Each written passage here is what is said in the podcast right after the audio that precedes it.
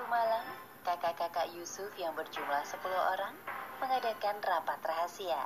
Mereka mencari cara untuk memisahkan Nabi Yakub dengan Yusuf.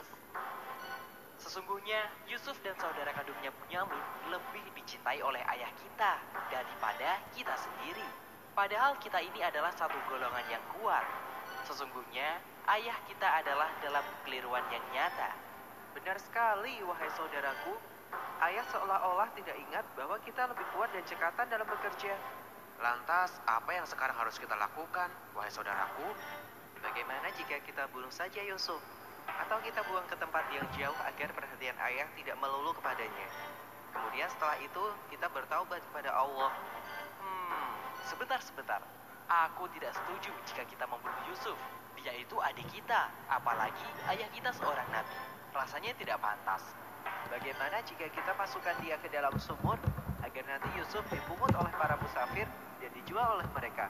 Bagaimana, saudara-saudara? Wah, itu ide yang bagus. Ya, ya, kami setuju usulan itu. Iya, benar. Setuju. Ya, setuju.